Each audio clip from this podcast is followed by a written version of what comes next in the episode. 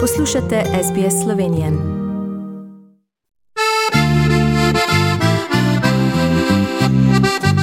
Večkrat se spomnim rojakov, ki v svetu živi razsejani. Zdi se, mnoge. Drage poslušalke, spoštovani poslušalci, pozdravljeni ponovno v slovenski oddaji na radiju SBS. Danes v soboto 25. junija 2022 na Dan državnosti Republike Slovenije.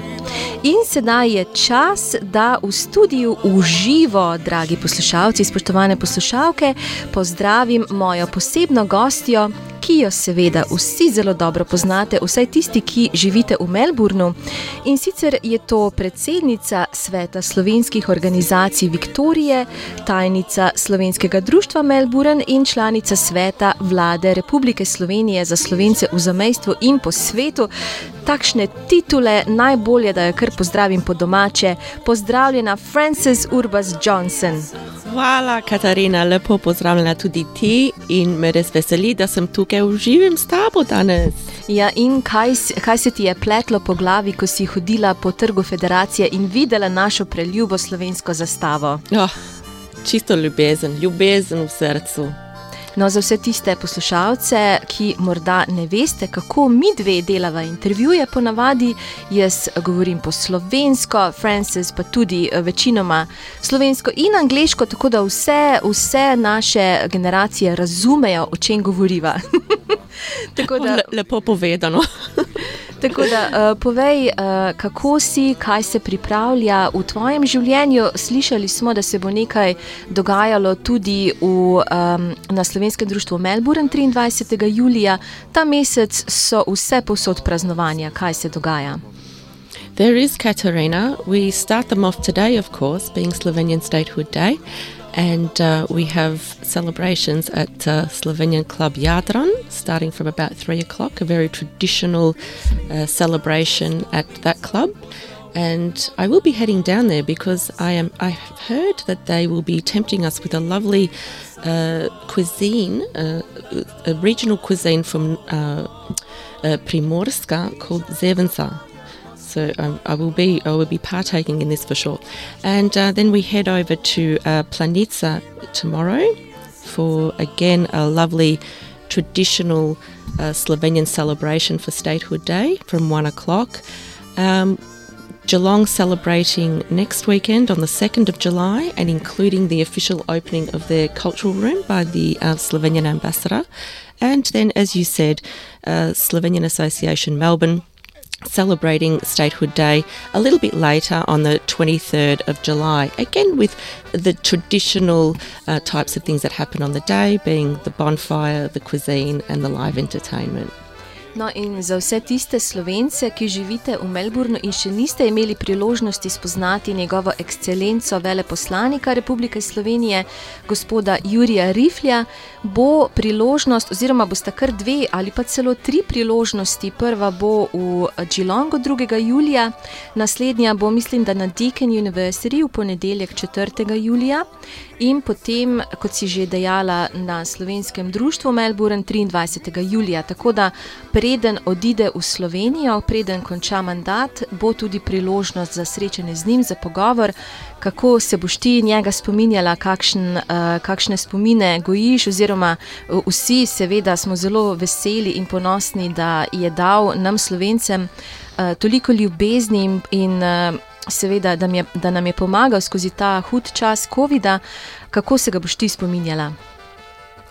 Katarina, I have. I'm going to take very fond memories. I'm going to miss um, the ambassador, um, Jurij Rifelj, you know, dearly, and along with his family. They've been so engaging with the Australian Slovenian community in whatever capacity they could, been supportive, uh, been there for us, uh, happy to engage with the communities no matter where they are in Australia, and we very much appreciate that.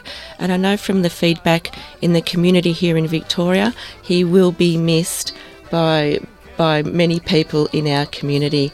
And of course, we wish him all the best in his in his next endeavours, and uh, hopefully, you know, the um, his role will be filled by you know someone as as wonderful as he has been because he's um, made it made a difference in a very good way here in Australia. And as you said, especially during COVID times, some of the most challenging times in in our history.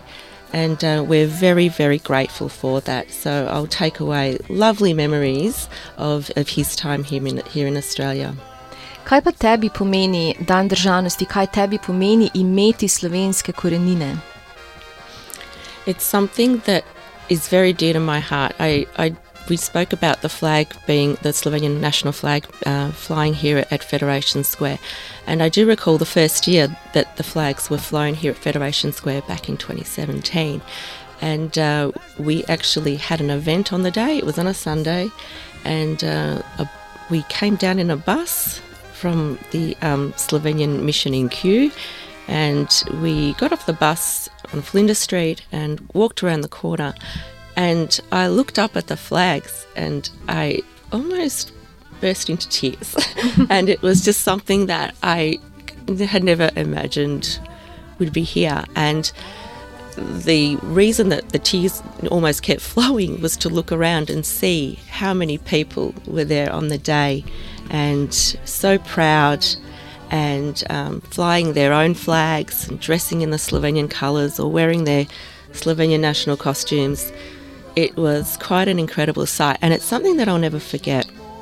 And the thing that uh, gets to me the most, I guess, or is so more dear to my heart than anything else, is the Slovenian people. No matter where you go in the world, you know, with a Slovenian person, you've got that, that wonderful bond, and there's always that wonderful hospitality and, and pride and uh, it comes through in, in, in all of them. And here in Victoria, I'm exceptionally proud of our community and what they've done to help enrich Slovenian culture and heritage here in you know this wonderful land that we call home, Australia. And I'm, I'm grateful for what they have all done as a community uh, to keep that heritage alive. It's wonderful.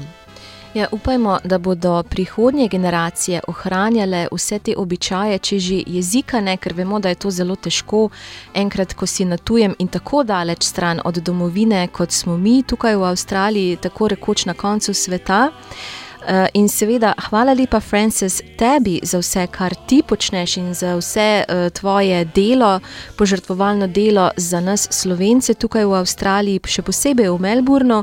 Kako boš pa ti praznovala, danes si rekla, da boš potem šla še naprej praznovati um, na Jadran. Kaj, kaj bi ti sporočila našim poslušalcem za konec? Well, if anyone does have a chance to make it down to Federation Square and see the flag flying, the Slovenian flag flying, please do so. It's it's beautifully flying up there with the Australian national flag. So we have the, of course, the Australian national flag, and then we have the um, the Australian Aboriginal flag and the Torres Strait Islanders flag, and our, you know, the Slovenian national flag flying alongside those. So if you have a chance, please come down. It's beautiful. We'll be here all day. Uh, so the celebrations for me have already begun. I've, ha- I've had a wonderful time already. But as you said, I will be heading down to Jadran and in- enjoying uh, the bonfire and some um, traditional Slovenian fare. And I encourage anyone to, to please come along to any of these events that we had uh, pre- previously mentioned that are celebrating this wonderful Slovenian Statehood Day. And look, if you know you can't get out, you know, I know it's the middle of winter, it can be difficult. Um, pop on your, uh, you know, Slovenian music at home, chuck on a polka, uh, you know, get your flag out and eat a krajinska kolbasa and enjoy. Have a smile on your face. Ja, tako zelo dobro povedano. Jaz se seveda strinjam in vsem slovenkam in slovencem še enkrat zaželim vse čestitke ob dnevu državnosti. Tebi, Frances, pa najlepša hvala, da si se oglasila v studiu in seveda se še kaj vidiva. Thank you so much, Katarina, for having me. I really appreciate it. I'm grateful for the time. Vse najboljše. Uh, najlepša hvala. Thank you. Deli, komentiraj. Spremljaj SBS na Facebooku.